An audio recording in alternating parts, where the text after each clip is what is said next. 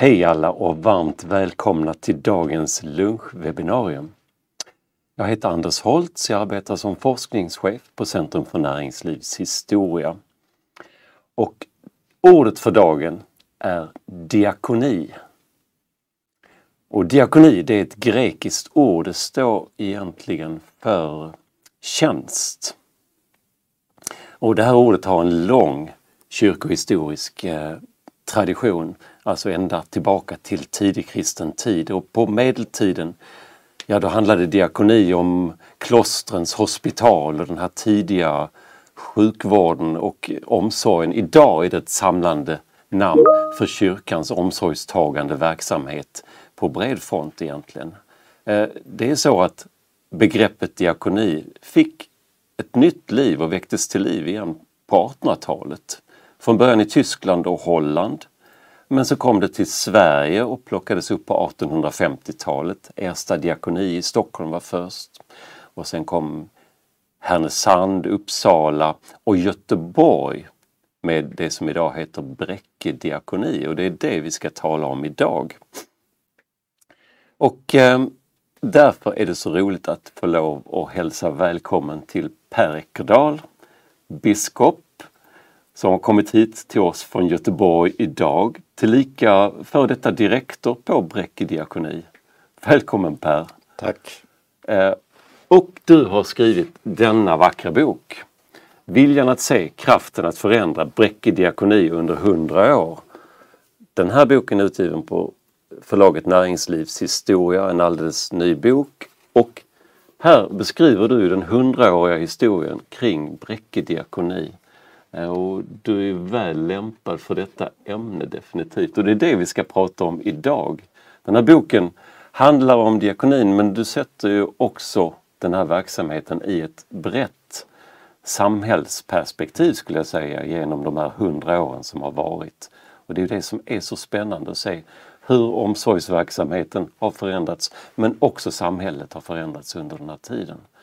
Eh, jag ska också säga till alla som tittar att det går bra att ställa frågor precis som vanligt i våra webbinarier och använda chatten för det.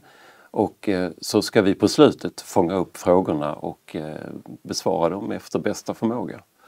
Men först så får ju jag ställa några frågor.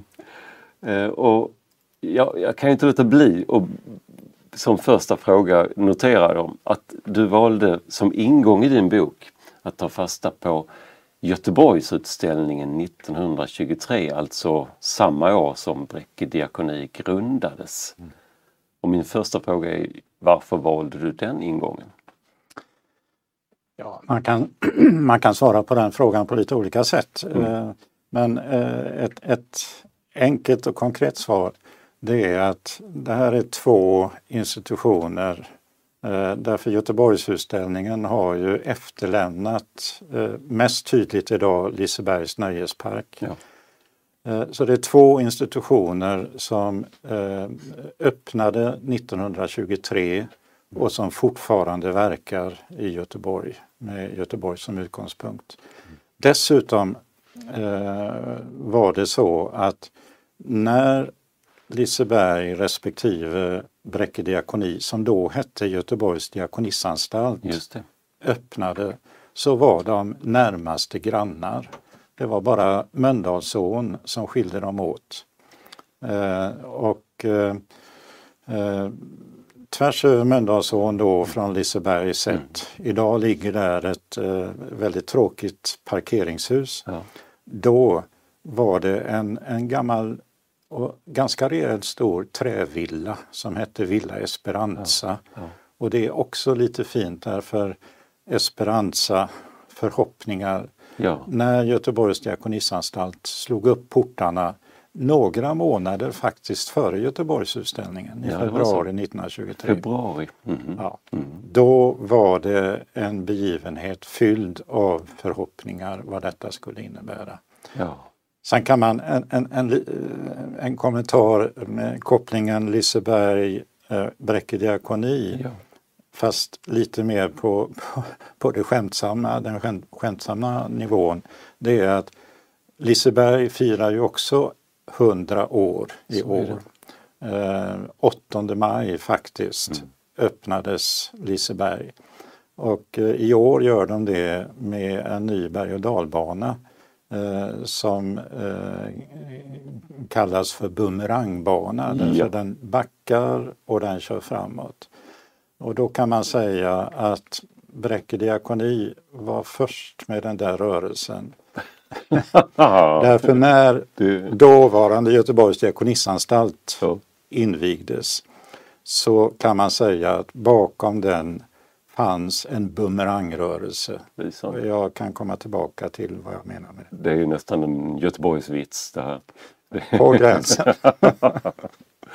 Men så spännande och då har vi liksom 200-åringar som, vi, som, som möts på ja. det här viset, både geografiskt men också på något vis i den där tiden. Mm.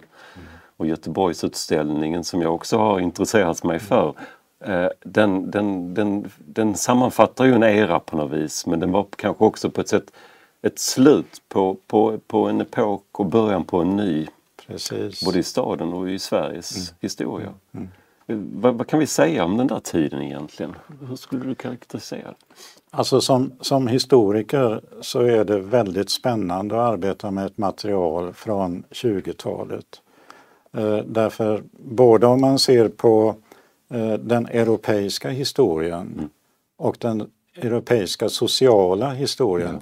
Och om man ser på den svenska historien och Göteborg som någon, någon slags eh, eh, väldigt konkret mini-universum som visar upp de här komponenterna. Mm.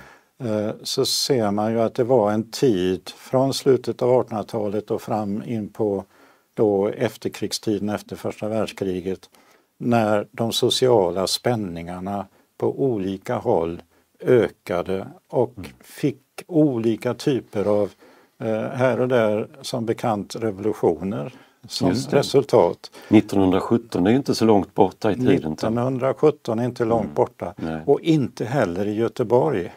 Eh, 1917 just så var det upplopp, våldsamma upplopp i Göteborg ja. som berodde på att människor svalt. Ja. Och det intressanta är ju att det var kvinnorna som började med att demonstrera för bröd och fred. Ja. Och dagen efter så urartade de här demonstrationerna i våldsamma upplopp och eh, man satte in polis och fick inte ordning och satte in militär. Ja som eh, red omkring med dragna sablar. Alltså det, var, det var en väldigt laddad situation. Ja. Eh, Ett mått på desperation nästan. Mm. Ja, mm. och eh, eh, då kan man ju lägga till när det gäller den svenska historien att det är de här åren som man gjorde upp med den tidigare graderade rösträtten ja. där förmögenhet avgjorde dels om man fick rösta och dels vilken betydelse den lagda rösten hade. Ja. Eh, och eh, man, man, jag tror man kan säga att man kan uppfatta förändringarna som skedde att det var högerns reträtt mm. för att hantera en situation som man började uppleva som ohanterbar ja, ja, när man till slut gick med på allmän rösträtt. Mm. Inklusive kvinnlig rösträtt. Just precis, vi får allmän och lika rösträtt och, ja. och, och första valet 21 då ja. det här faktiskt träder i kraft. Ja. ja. Eh, så att på det viset så är det en väldigt intressant tidsperiod. Mycket. Eh, och eh, det präglar ju också tankarna bakom Bräcke diakoni när det startade. Så intressant. Och Göteborg som stad har på något vis under den här fasen eh, vuxit ur den gamla handelsstaden, den här eh, Ostindiska kompaniet och så vidare och, och, och, blivit en industristad och människor har flyttat in. Det, befolkningen har fördubblats på ganska kort tid. Och, mm. och, och, det finns också en ny elit som är ganska liberalt färgad. Men som du säger i valet så, så sker det ett maktskifte och mm. Socialdemokraterna mm. kommer, kommer i, i maktställning också. Men hur kan vi se Bräcke diakoni som ju eh, har kanske andra rötter också? Eller? i det här? Ja, alltså, det är klart att Bräcke diakoni då lokalt i Göteborg står mitt i den här situationen mm. med, som du säger eh, förmögenheter från de gamla handelshusen och mm. nyare förmögenheter från de, eh, eller bland de nya industrialisterna. Just det. Eh, men där, där finns ju också ett växande proletariat. Ja. Människor som levde i, i, i ofattbar fattigdom. Och jag citerar i min bok bland annat en, en befolkningsundersökning som gjordes lite tidigare på 1800-talet där det framgår att väldigt många fattiga människor bodde i källarrum, alltså under mm. marknivå. Mm. Och eh, den här undersökningen konstaterade att de flesta barnen i dessa familjer kommer inte att överleva. Nej. Eh, det, det, var situationen. Sen, sen, kan man väl också för att få miljön omkring eh, Bräcke diakonis start lägga till att det här var ju också under eh, den mest intensiva emigrantperioden. Ja, från, från eh, slutet av 1860-talet och framåt in på 20-talet.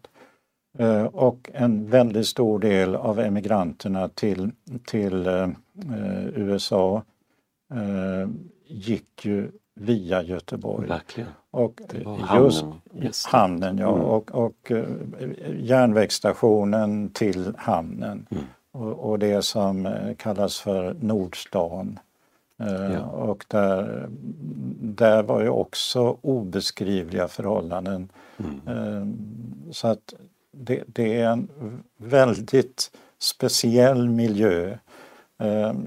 Förre landshövdingen och historikern Per Nyström mm. menade att man fick gå långt ner på kontinenten för att hitta storstäder som hade inom stadens yta så stor spännvidd mellan utmanande rikedom ja. och ofattbar fattigdom och misär. Ja. ja, det där är väl uttryckt verkligen. Mm. Jätteintressant och det speglar du i din bok på många sätt. Och det finns ju en intressant gestalt där, en aktör som är helt avgörande här. Ja. Eh, biskop Rode, initiativtagande, eller hur? En av mina företrädare. Ja, det är ju faktiskt så. uh, ja, det är, Hans roll är ju rätt märklig. Ja, nej, det är en väldigt fascinerande person och, och det kan jag väl säga att jag, jag har ju väl känt till honom tidigare, mm. hans, vad han har utrett och så. Men eh, arbetet med, med boken nu, den har gett mig en ännu djupare bild av honom och jag är mycket fascinerad av Rode. Han hette Edvard Herman Rode mm. fast han skrev sig alltid som E.H. Rode. Ja. Uh, och uh, han var född 1845 på skånska landsbygden. Mm. Läste teologi i Lund. blev präst, kom så småningom mm. på 1880-talet till Norrköping eh, och mm. var kyrkoherde där i fyra år. Ja. Vilket nog präglar honom mycket. För Norrköping på 1880-talet det var textilindustrins eldorado. Och det betydde också att där fanns ett arbetarproletariat. Eh, och eh, Rode tog uppenbarligen starka intryck av den nöd ja. han såg där. Mm. Eh, och eh, ungefär samtidigt som han flyttade från Norrköping och blev biskop i Göteborg, vilket var 1888, ja. formulerade Rode att den sociala frågan det är samhällets ödesfråga. Ja. Eh, sen var han biskop i Göteborg då fram till eh, 1929 eh, när han gick i pension. Och det, det är ganska det, imponerande bara en sån sak. Ja, det är imponerande. och, och det, det, var dessutom så att då, 1929, var det helt nytt att en biskop kunde gå i pension. Ja. Tidigare satt man tills man dog. Man dog på sin post. Eh, ja. ja. Och eh, eh Rode var biskop nummer två som utnyttjade den här möjligheten. Mm. Och så levde han ytterligare fyra år. Ja. Eh, Rode var 78 år när Bräcke diakoni alltså dåvarande Göteborgs diakonissanstalt, invigdes. 23 alltså? Ja. Mm. 23. Ja. Och eh, det kan jag ju känna då att det är lite uppmuntrande. Då, då är man rena ungdomen. ja precis. Eh. Ja, det är väldigt imponerande. Mm. Han, han är en, han är, politiskt så är han ju väldigt starkt konservativ, eller hur? Det är liksom ja. ett starkt politiskt ställningstagande. Han hör liksom varken till... Polit, han, politiskt, han, och, politiskt, och, ursäkta, politiskt och ideologiskt. Ja. För det var inte bara en partipolitisk nej, nej. Eh, folla. Så han har liksom inte till de här, varken det liberala eller det, det, det nya socialdemokratiska Göteborg. Nej, inte. Nej. Utan det är väldigt starka ideologiskt politiska mm. konservativa värderingar. Men när det gäller det vård och hänsynsaspekten så verkar han ju ha varit radikal närmast. Är det inte ja. en motsättning som ligger här? Eller? Jo, det är en paradox. Ja. Eh, uppfattar jag också. Ehm, och alltså, han, han, var på kontrakurs mot Göteborgsliberalerna mm. och det eh, handlade om att han inte kunde förlika sig med, med eh, den renodlade individualismen mm. eh, som ju också i Göteborgssammanhangen kopplades ihop med, med en, kan man väl säga, marknadsliberal grundinställning. Ja. Men han kunde inte heller förlika sig med socialdemokratin och det handlade om eh, det som då var en väldigt tydlig eh, profilfråga, nämligen eh, den, den eh, ja, ateistiska eller icke-kyrkliga inställningen ifrån ja. socialdemokratin. Eh, Rode, för Rode var eh, grundbultarna i det, det, gamla traditionella samhället eh, avgörande betydelsefulla. Ja. Ja. Men så var det just detta som han hade formulerat redan på 1880-talet, ja. att han såg att den, den, sociala ökande spänningen är ohållbar. Det mm. kommer att eh, spränga sönder samhället inifrån. Och det, det, är väl på den punkten där han var, jag vet inte om man ska säga radikal, men han var i varje fall klarsynt mm. och insåg att människor, eh, människovärdet eh, gör det nödvändigt att skapa drägliga förhållanden för människor ja. oavsett om de hör hemma i eh, de fina bolagens styrelserum eller är arbetare eller hamnsjåare mm. eller vad det nu kunde handla om.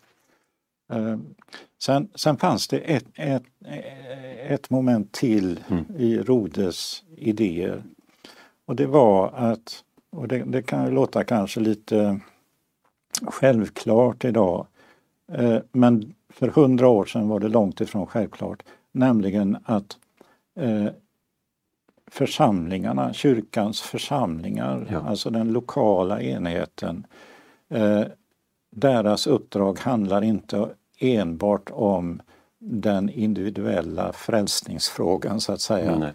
Eh, utan en församling kan också uppträda, som, som han uttryckte det, som, eh, som ett samfund, alltså som en sammanslutning, som en mm. kraftbas. och det var avgörande viktigt när Rode började arbeta och det gjorde han mm. redan 1888 när han kom till Göteborg.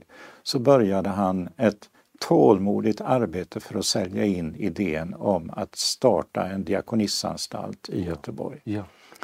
Eh, och det höll han på med i 35 år innan han hade fått med sig en tillräckligt kraftfull Eh, bas då framförallt bland eh, prästerna i, på västkusten. Ja, och att göra det här samhälls, samhällsengagemanget ja. till en, en viktig uppgift för kyrkan. Precis, mm. därför det, det, var verkligen ett samhällsengagemang som mm. det var frågan om. Det var inte en frälsningskampanj. Nej. Alltså det handlade inte om att ge folk bröd för att de skulle komma till kyrkan.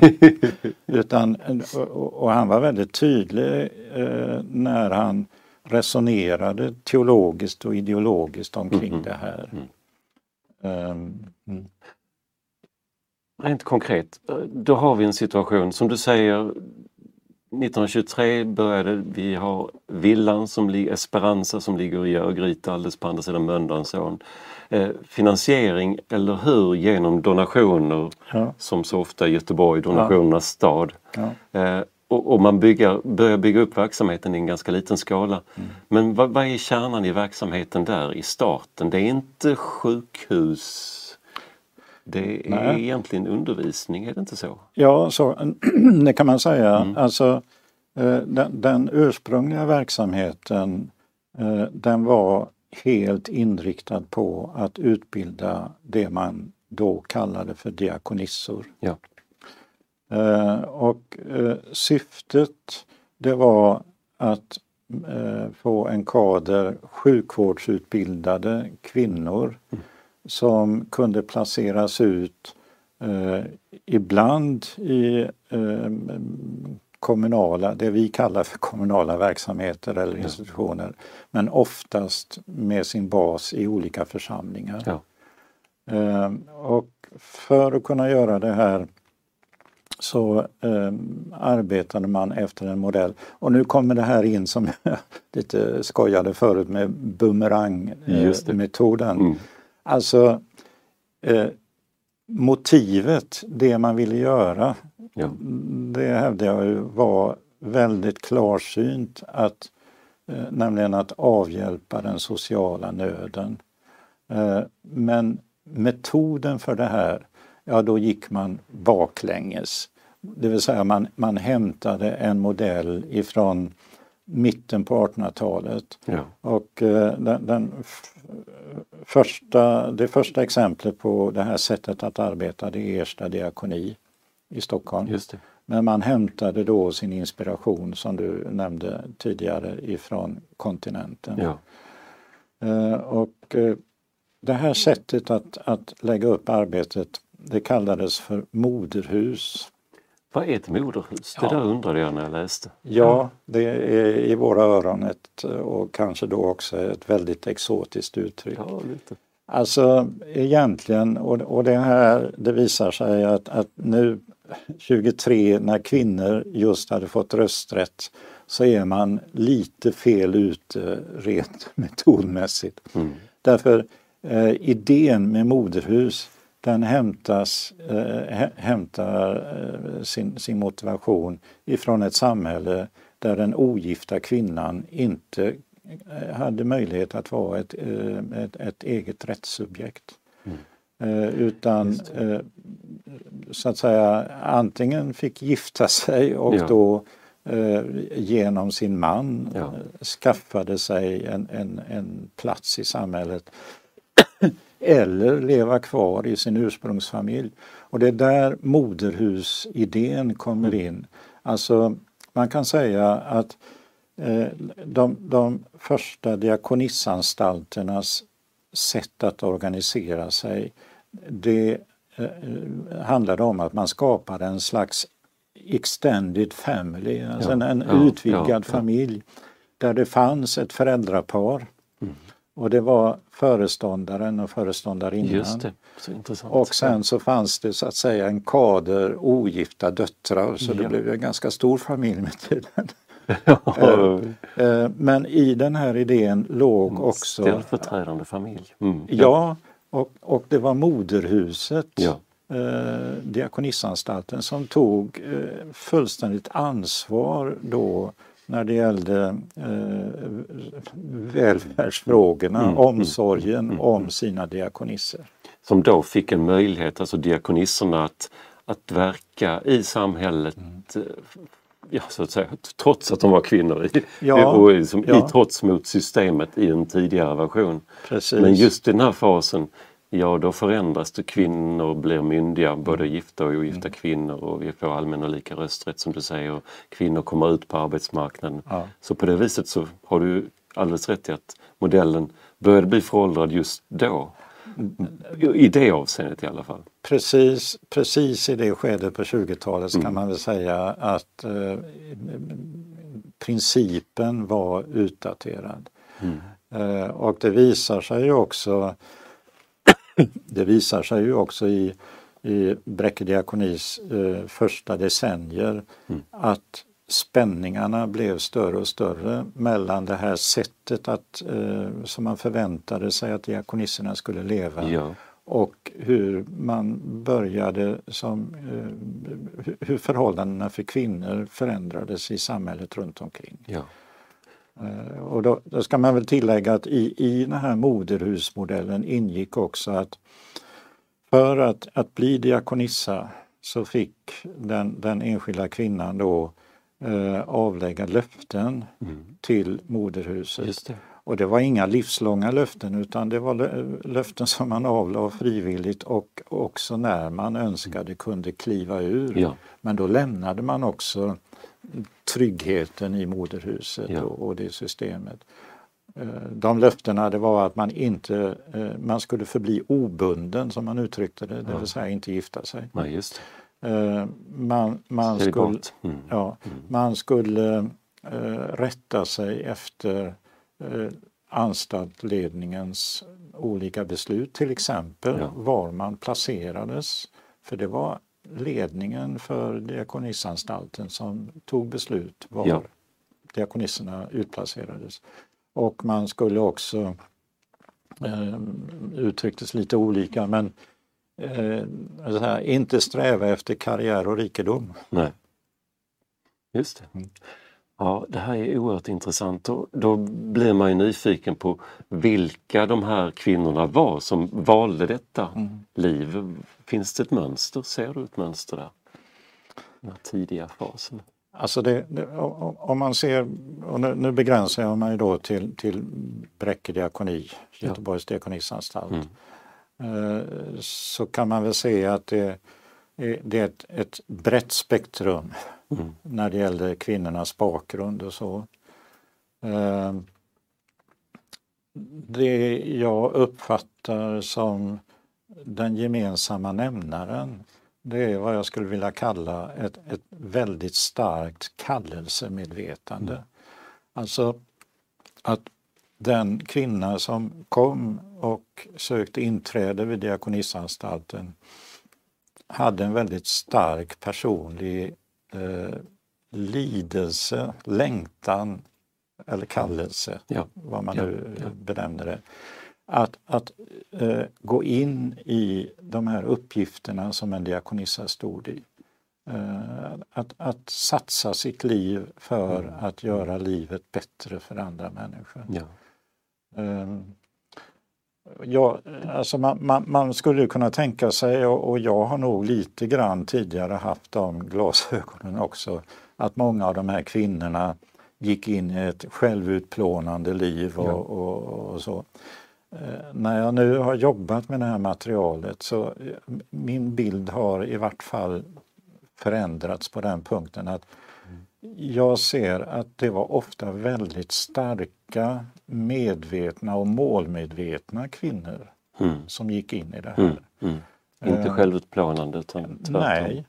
Uh, möjligen på det viset att de, de och där kommer det här med kallelsemedvetandet in i bilden. Ja. Att man ställde sig under sin kallelse mm. och på det viset också kunde acceptera eh, att, att ibland kanske inte bo i tipptopp lägenheter och så. Eh, och att man hade inga reglerade arbetstider och ja.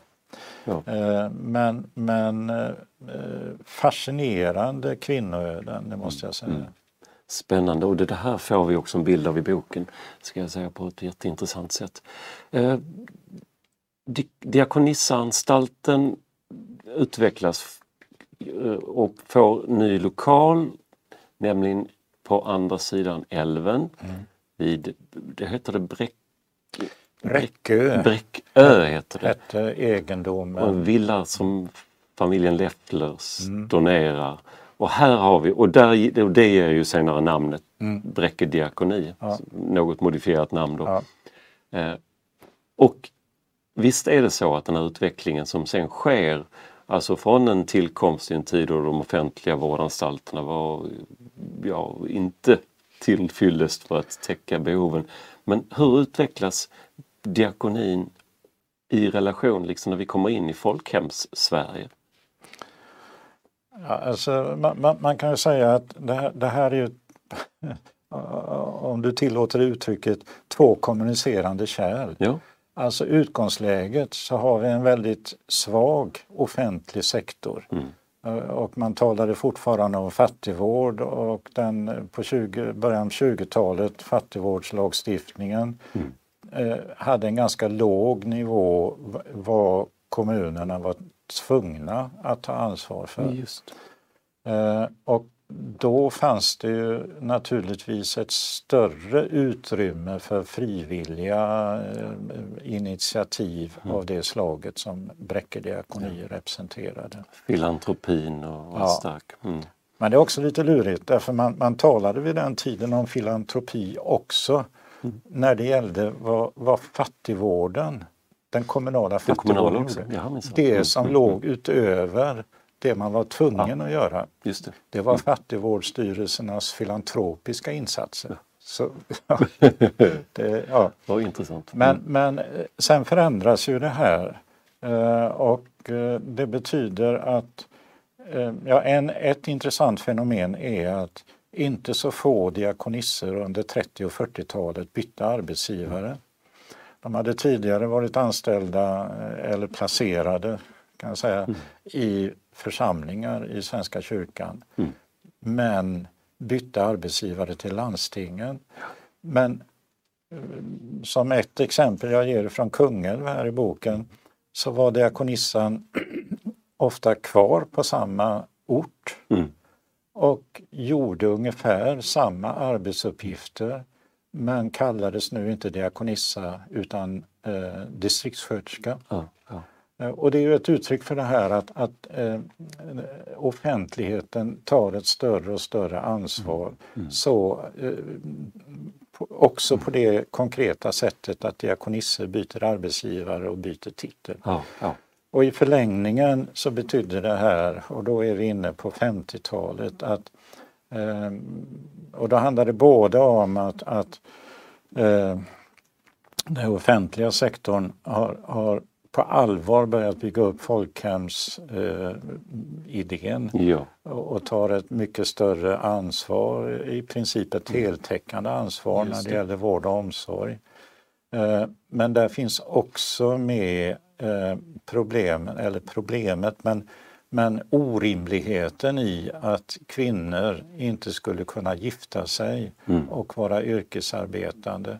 Och det gör att på 50-talet så, så blir det en eh, väldigt tydlig rekryteringskris när det mm. gäller mm. nyrekrytering av diakonisser. Ja. Och eh, i förlängningen av det här så, så monterar man helt enkelt ner hela moderhusmodellen på ja. Göteborgs diakonissanstalt eh, och blir en renodlad utbildningsinstitution. Intressant. Och man börjar arbeta med egen institutionsvård mm. på ett annat mm. sätt. Mm. Och då är det ett helt nytt läge för då handlar det om ett samhälle som, som, eh, som grundprincip gör anspråk på att man ska ta ett helhetsansvar. Ja. Men samtidigt så finns det glipor. Mm. Eh, och, och, två exempel på det här som Bräcke diakoni gav sig in i på 50-talet det är dels att man byggde ett nytt, för dåtiden, stort ålderdomshem som det kallades då. Ja. Eh, och eh, där kan man också se att, att det här var väldigt populärt. Man hade under några år en kö mm. som man sa att vi skulle kunna ha ytterligare två lika stora ålderdomshem och fylla dem direkt. Eh, det andra exemplet det är, och då kan man ju säga att ålderdomshemmen det var en, en, en parallell verksamhet till samhället. Ja. Det andra exemplet som är ännu mer intressant det är uppbyggnaden från slutet av 50-talet av Bräcke Östergård. Ja, vad är det? Eh, Bräcke Östergård var en, eh, en institution som man byggde upp från början talade man som begrepp om CP-barn, alltså barn mm. med cerebral pares. Mm. Eh, och eh, man byggde upp systematiskt, började med förskoleåldrarna och så gick man stegvis uppåt i åldrarna. Eh, och den sista komponenten det var när man kom in i gymnasieåldern och då är vi inne på 80-talet så det var under en lång period. Och eh, det här var ju inte en, en eh, säga, alternativ verksamhet till samhällets vård och omsorg. Utan man skapade en plattform där eh, eh, eh, civilsamhället, kommunen, landstingen och staten kunde samverka och olika myndigheter och instanser inom de här storheterna. En, en plattform för ett effektivt samarbete där man satte ja. barnet i centrum Ja. och samlade alla möjliga resurser. Och då var det både boende, eh, skola och vård eh, som man då kallade för habilitering. Ja, och all, allt det här hänger naturligtvis ihop och det kunde man göra genom samverkan då, Ja. mell- mellan diakonin och, och, och de kommunala Det verksamheterna och så vidare. Så intressant. Ja. Jag ska bara påminna om att det finns absolut möjligheter att ställa frågor i chatten för den som vill göra det. Bara en liten påminnelse. Men, men det du säger här är ju väldigt intressant därför att där har man liksom dels ett parallellt spår där man erbjuder ett alternativ men det andra är ett, en integrerad modell i själva verket i, i, ihop med, med de övriga offentliga vårdinstanserna. Spännande. Ja, och det spännande är ju Mm. att det sker just under det här eh, här, mest storvulna folkhemsbygget. Ja, ja men precis. Det skedet, Ja. det mest storvulna Ja, skedet. verkligen in i de här rekordåren, Ja. 50-talet, 60-talet. Ja. Eh, Och eh, Bräcke diakoni gjorde jobbet i, inom den här institutionen man byggde upp, Bräcke Östergård, som så småningom blev en regionklinik för Ja. barn och ungdomshabilitering. Och kommun, landsting, stat Mm. betalade vad det kostade. Ja. Ja. Och det var långt före upphandlingseran. ja. Det var, Precis. det var samförståndet och eh, samspelet som eh, fungerade på det viset. Och där fungerar de här delarna i, i ett samspel som är väldigt Mm. tydligt. Ehm, om vi då gör ett raskt hopp i tiden och ser fram emot den epok när, du, när du kommer in som direktor på Mm. diakonin då är vi i 1990, eller hur? 1990. Hur, Ja. hur skulle du beskriva situationen då? Apropå det vi nyss sa. Ja. Mm. Alltså, då är, jag hamnade ju 1990 rakt in i en, ett, ett brytningsskede. Ja. Samhällsekonomiskt så hade man kommit till den punkten när eh, BNP-tillväxten inte längre klarade av att finansiera en eh, snabbt expanderande offentlig verksamhet. Nej. Eh, Och det fick effekter naturligtvis för, för en sån verksamhet som Bräcke diakoni. Eh, mest påtagligt, eh, Bräcke hade då ett, ett eh, 20-årigt avtal med landstingen Mm. för att driva regionkliniken för barn och ungdomshabilitering. Ja. Eh, och det gick, det var i, i grunden ett väldigt enkelt avtal. Mm. Bräcke diakoni eh, förband sig att se till att det fanns lokaler och eh, resurser eh, på personalsidan för att driva verksamheten. Ja. Och landstingen förband sig att betala vad det kostar. Och det gjorde man eh, enligt en, en planering då naturligtvis budgetmässigt år för år. Ja. Men för det mesta så slutade det med ett underskott. Och då täckte landstingen det i efterhand. Just det.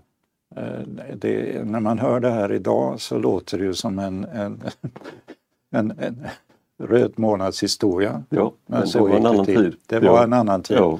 Men eh, också på den punkten så blev det mer och mer omöjligt. Så att i slutet på 90-talet så var Bräcke diakoni och landstingen överens om att gemensamt avsluta det här avtalet. Just det. Eh, Vad händer då? Ja, då hände det att, att den medicinska delen av, av eh, regionkliniken övertog landstingen. Eller, eh, ja. Eh, och boendedelen stannade kvar mm. hos Bräcke diakoni och betalades då av, av de kommuner som köpte platser för mm. sina barn och ungdomar. Just det. Sen kommer hela upphandlingseran. Mm. Just det. Och eh, det kan man säga att det, det var en situation som Bräcke diakoni tillsammans med väldigt många kollegor inom eh, branschen, så att säga, ja. de idéburna i civilsamhället var fullständigt oförberedda på. Ja. Vi, vi, hade inte kompetens, vi hade inte administrativa redskap. Um, så att det där var en lång mm. period från slutet av 90-talet in de första åren på 2000-talet som var eh, väldigt plågsamma. Verkligen. En kollision på något vis med ett företagarperspektiv ja. i, i, i, verksamheten. Ja, ja. Eh, där, där detta att utföra en uppgift, att vara uppgiftsmotiverade ja. på grundval av vår idé låg i vårt DNA. Och eh, därför hade vi aldrig haft anledning att, att börja agera affärsmässigt nej, nej. Eh, tidigare. Men eh, ofta är det ju så att verkligheten är en ganska effektiv lärare.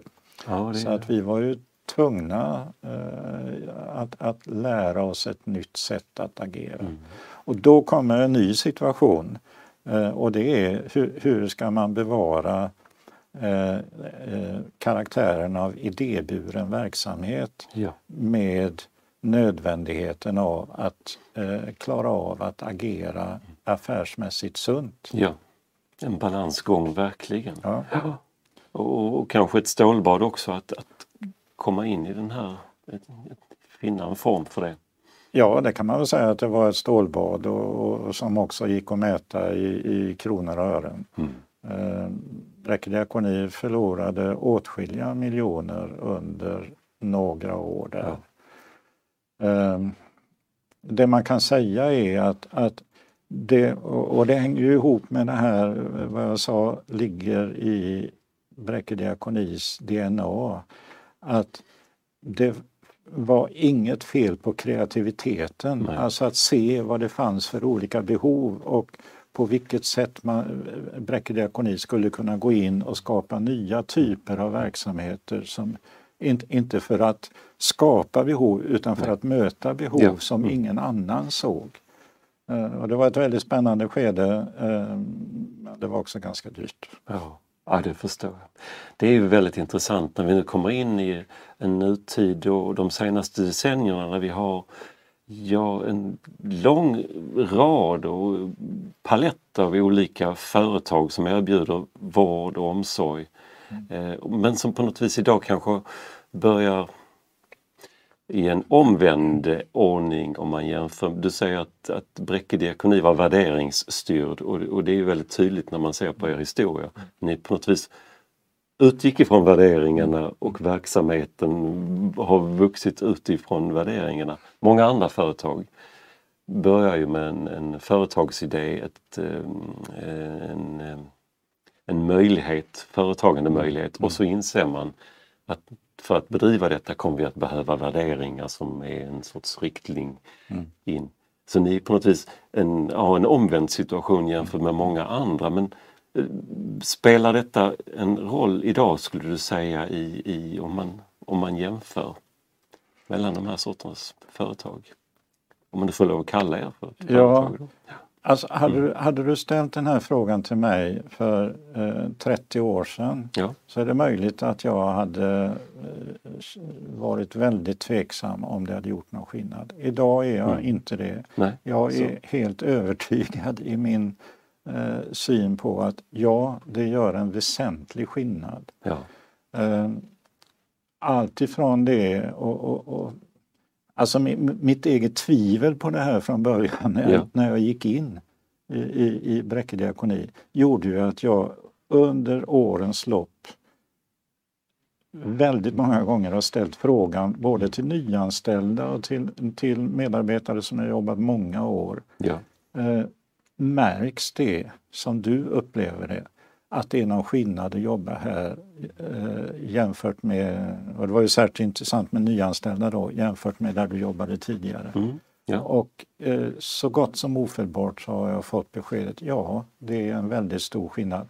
Men det är väldigt svårt att riktigt sätta fingret på Mm. vad det handlar om. Men det är något som ligger i luften i kulturen. Ja. Eh, och, och det skulle jag vilja säga att ja, så är det. Eh, och samtidigt, eh, om, man uttrycker sig lite klumpigt, eh, man behöver ju inte vara dum även om man drivs av sina idéer. Alltså, det går att lära sig att hantera en verksamhet eh, på ett affärsmässigt sunt sätt så att man så att säga, ser till att hushållskassan räcker Ja. Mm. utan att sälja sina, sin, sin själ. Ja.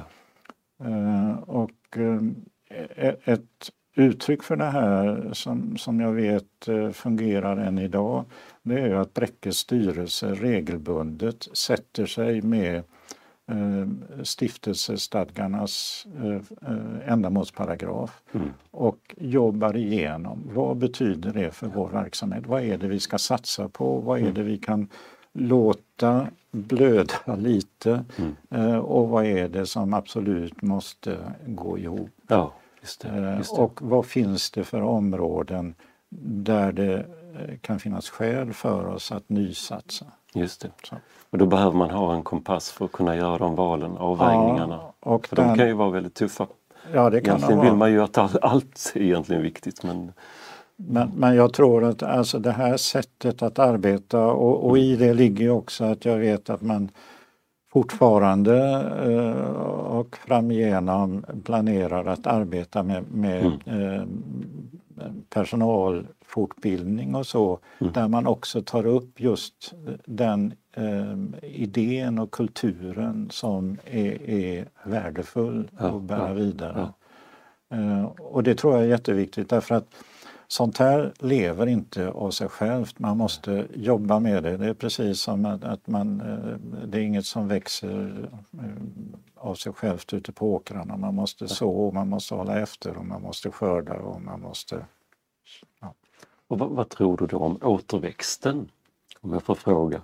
Eh, Finns det, ser du en framtid för denna sortens starkt värderingsstyrd eh, vård och omsorg som är eh, i tilltagande? Eller det, finns det problem framöver? Nej, jag, jag ser definitivt en framtid.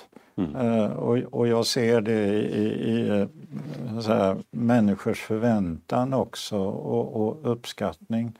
Eh, jag bor idag i Alingsås och Ja. där har Bräcke många olika verksamheter, bland annat vårdcentraler. Och det, det är intressant tycker jag att möta människor som är patienter på vårdcentralen och deras reaktioner.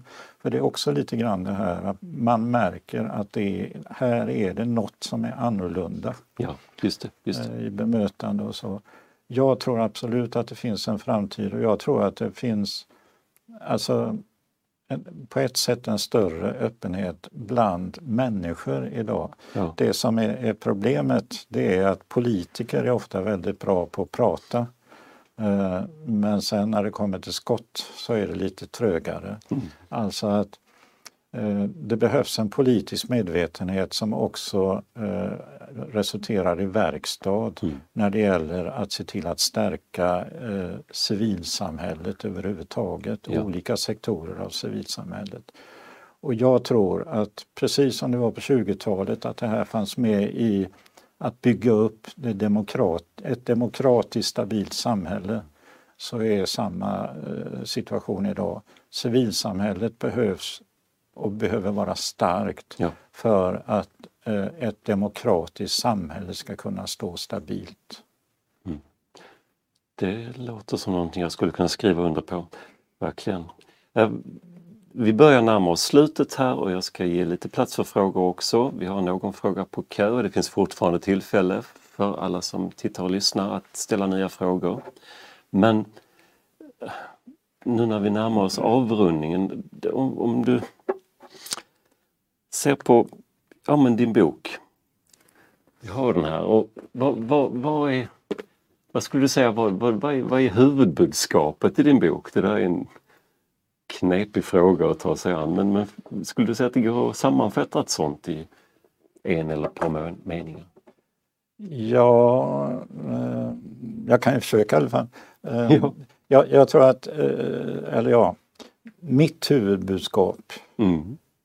det är lite grann där vi alldeles nyss landade. Ja. Alltså, jag, jag är, är lidelsefullt övertygad om att eh, eh, värderingar och idéer eh, om medmänsklighet och medmänsklighetens betydelse måste få ta sig konkreta uttryck i samhället. Och att det, det handlar inte om någon slags eh, lyxverksamhet utan det handlar om det som är basen för ett demokratiskt samhälle ja. som har utrymme för människor av alla möjliga modeller. Mm. Eh, och just på den punkten så kan jag väl känna att det är ännu viktigare idag än tidigare. Mm. Jag eh, har, har, under mina år många gånger sagt det att vi måste arbeta för det här därför att så mycket i vårt samhälle som vi tar för självklart är inte självklart. Det behövs inte så mycket för det ska vittra sönder Nej. och idag tycker ja. jag man ser så starka tendenser till det. Just det.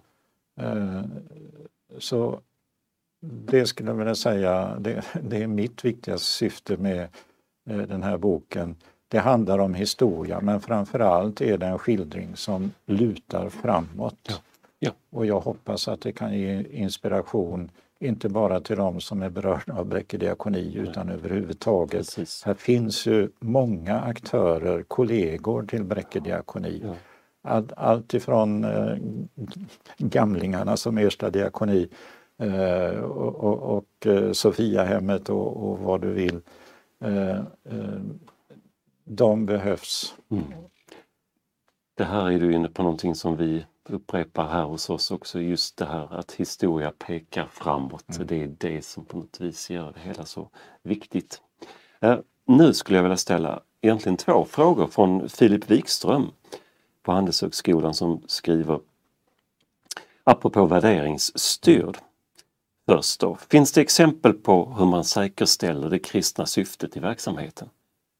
finns det alltså särskilda mekanismer av ideologisk säkring för att undvika mission drift. Mm. Uh, ja, det gör det uh, när, när det gäller Bräcke diakoni. Och jag var inne på det för en liten stund sedan. Uh, och, och när, när det gäller Eh, styrningen av verksamheten mm. så tar det sig uttryck i att styrelsen då regelbundet sätter av eh, ett möte när man går igenom eh, stiftelsens ändamål och gör sin uttolkning och det här är något som man dokumenterar så att det finns och man kan följa. Och, och man kan ju säga att det sättet att arbeta Eh, där finns en direkt koppling till det som man klädde framförallt i teologiska termer ja. i startskedet för Göteborgs diakonissanstalt. Just det. Eh, så om man, om man vill dra hela linjen så ja. kan man säga att ja, det här är en kontinuitet. Man har inte alltid under de hundra åren arbetat lika intensivt med detta. Mm. Men delvis vår egen historia har visat hur viktigt och nödvändigt det är och att den här dimensionen, mm. som jag sa nyss, den sköter sig inte självt utan man må, det är ett arbete som är lika viktigt som annat strategiskt arbete som styrelsen gör. Så det, det är den ena nivån. Den andra nivån är att eh, Bräcke diakoni i, i personalutbildningen, eh, fortbildning eh, regelbundet på olika sätt tar upp det här för ja. att tydliggöra och levandegöra eh, de idémässiga eh, komponenterna i, i, i eh, stiftelsens kultur. Intressant. Nu i allra sista momangen så har vi, eh, Filip har en uppföljande fråga och, och apropå konkretion um, som är inne på samma spår. Han skriver Tack för fint exempel med hur styrelsen jobbar med prioriteringar i verksamheten och stadgarna som vi pratade om. Men finns det exempel, konkreta exempel för hur just det kristna grunduppdraget i stadgarna säkerställs? Uh, alltså jag, uh, Filip, jag, jag, har lite svårt att säga vad, vad är kristet och vad är inte kristet. Mm. jag, jag, talar hellre om det, om det som är idén som ska bära stiftelsen och i det är det uh, totalt integrerat vad som är kristet eller teologiskt motiverat. Eh, och teologiskt kan man säga att det här handlar om, om en skapelseteologisk grundval eh, som mm. går ut på eh, varje människas unika värde mm. eh, och det personliga ansvarstagandet eh, som det tar sig uttryck bland medarbetare i stiftelsens arbete. Sen kan man säga att en, en tragisk händelse för Bräcke diakoni det är 1900, nej, förlåt, 2014 eh, när den sista diakonutbildningen upphörde. Och det beror ju inte på Bräcke utan på att Svenska kyrkan upphörde att lägga sin beställning då.